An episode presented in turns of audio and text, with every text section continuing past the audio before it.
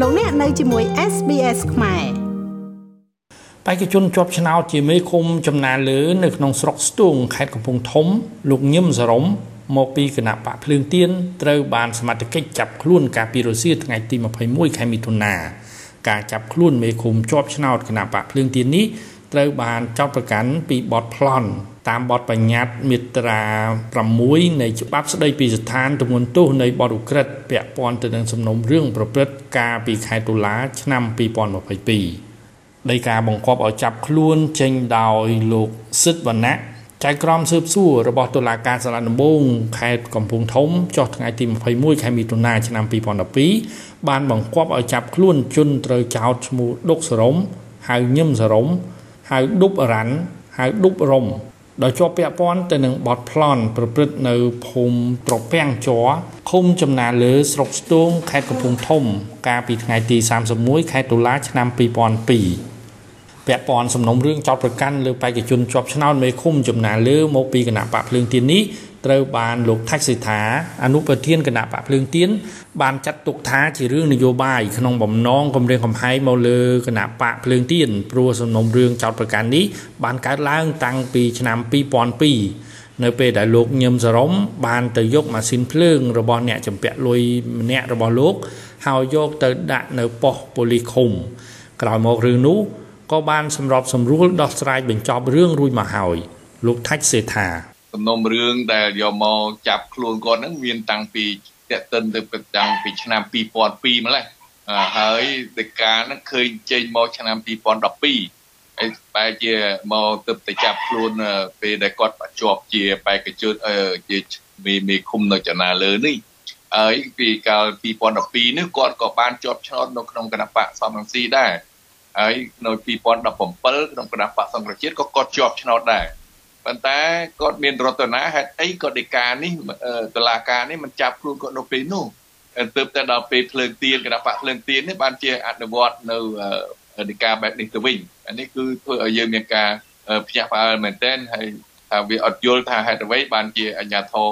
យើងធ្វើបែបនេះចំពោះគណៈបកភ្លើងទៀនបេក្ខជនគណៈបកភ្លើងទៀននេះកិច្ចការរបស់គាត់ជាមនុស្សល្អត្រឹមត្រូវហើយអ្វីដែលលើកឡើងចោលពីបទប្លន់ហ្នឹងវាអត់សមហេតុផលទេ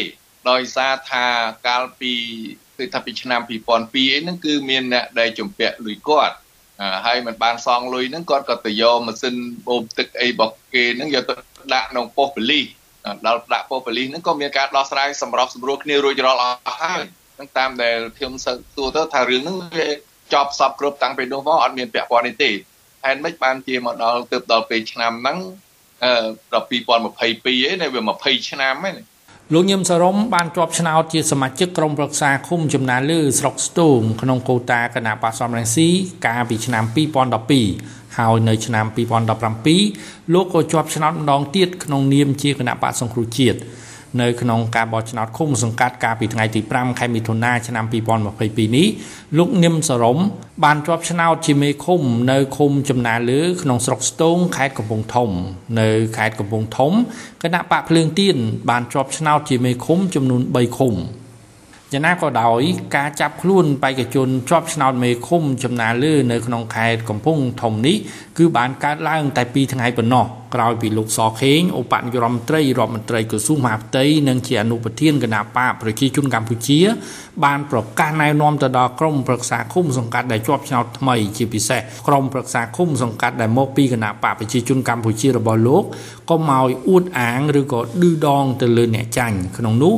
អ្នកជាប់ឆ្នោតនៅក្រមប្រឹក្សាឃុំសង្កាត់មិនថាមកពីគណៈបកណាទេគឺត្រូវរួមគ្នាធ្វើការបម្រើប្រជាពលរដ្ឋនៅមូលដ្ឋានឃុំសង្កាត់នោះព្រោះយើងជាខ្មែរដូចគ្នាលោកសខេងទន្ទឹមនឹងការខិតខំបន្តទៀតកុំអួតកុំអាងកុំឆ្មើកុំឆ្មៃហើយកុំអឺដាក់ដងដាក់ផ្លែជាមួយអ្នកដែលមិនជោគជ័យឬក៏ថាអ្នកដែលមិនឈ្នះឬក៏និយាយថាអ្នកដែលចាញ់កុំមកសោះ កុំអត់មានប្រយោជន៍ទេគ្មានបានប្រយោជន៍អីទេបំរើតែគេហៅថាមិនជាតាខ្លួនឯងកំណត់ខ្លួនឯងមិនដឹងទេប៉ុន្តែឲ្យសម្រាប់សង្គមនោះវាអត់មានទេអញ្ចឹងហើយចំពោះអ្នកនឹងយើងរឹតតែធ្វើល្អទៀតយើងខិតខំដើម្បីឲ្យឃើញតែនយោបាយគណៈបព្វជិជនអញ្ចឹងអត់មានរឿងអើងទេអត់មានរឿងអើងទេហើយអានឹងអានឹងបាទហ្នឹងសម្រាប់បេក្ខជនដែលមិនជាប់ឆ្នោតឬមួយថាដែលចាញ់ទៅចោះ ហើយអ្នកដែលបានឈ្នះមកក្នុងក្រុមប្រឹក្សាហ្នឹងនៅឃុំព្រាលរបស់យើងមានប្រមាណបានប្រមាណ CP បាទ7លើលើ9អញ្ចឹង2អ្នកទៀតមកពីណាភ្លើងទៀនមួយទាំងពីរត្រូវហើយឥឡូវភ្លើងទៀនក៏ដោយភ្លើងធូបក៏ដោយធ្វើការជាមួយគ្នាទៅសាខ្មែរដូចគ្នាទេអត់ទេដោយវិធីយើងហៅគាត់មក គាត់មិនមករឿងរបស់គាត់ប៉ុន្តែយើងត្រូវបង្ហាញអាកប្បកិរិយាមួយថាយើងសាមគ្គីផ្ទៃក្នុងជាយើងគេគេឲ្យបកដូចថាបង្កើតបកនយោបាយហ្នឹងគេមិនមែនឲ្យបង្កើតបកពួកឆ្លោះគ្នាណាគាត់តែប្រកួតប្រជែងដើម្បីបម្រើប្រជាជនទេឲ្យយល់បញ្ហាហ្នឹងកាលណាអ្នកណាគណៈបាណាបម្រើប្រជាជនបានល្អយន់បោះឆ្នោតឲ្យ សូមរំលឹកថានៅថ្ងៃបោះឆ្នោតឃុំសង្កាត់កាលពីថ្ងៃទី5ខែមិថុនាឆ្នាំ2022សកម្មជនគណៈបកភ្លើងទៀនម្នាក់នៅខេត្តបាត់ដំបងត្រូវបានអាជ្ញាធរចាប់ខ្លួនដោយចាប់ប្រកាន់ពីបទរំលោភសិទ្ធិលំនៅឋានដោយសារតែបរិះនោះបានចូលទៅថតវីដេអូពីសកម្មភាពរបស់អាជ្ញាធរអង្គុយកត់ឈ្មោះប្រជាពលរដ្ឋទៅបោះឆ្នោត ថ្មីថ្មីនេះកាលពីថ្ងៃទី13ខែមិថុនាគណៈបកប្រជាជនកម្ពុជាបានប្តឹងលោកសុនឆៃអនុប្រធានគណៈបកភ្លើងទៀនទៅតុលាការពាក់ព័ន្ធទៅនឹងបទសម្ភាសរបស់លោកសុនឆៃជាមួយប្រព័ន្ធផ្សព្វផ្សាយដោយលោកសុនឆៃលើកឡើងថាគណៈបកប្រជាជនកម្ពុជាបានលួចបន្លំសញ្ញាឆ្នោត។ ចំណែកនៅថ្ងៃទី17ខែមិថុនាឆ្នាំ2022កោជបក៏បានដាក់ពាក្យបណ្ដឹងប្តឹងលោកសុនឆៃទៅតុលាការ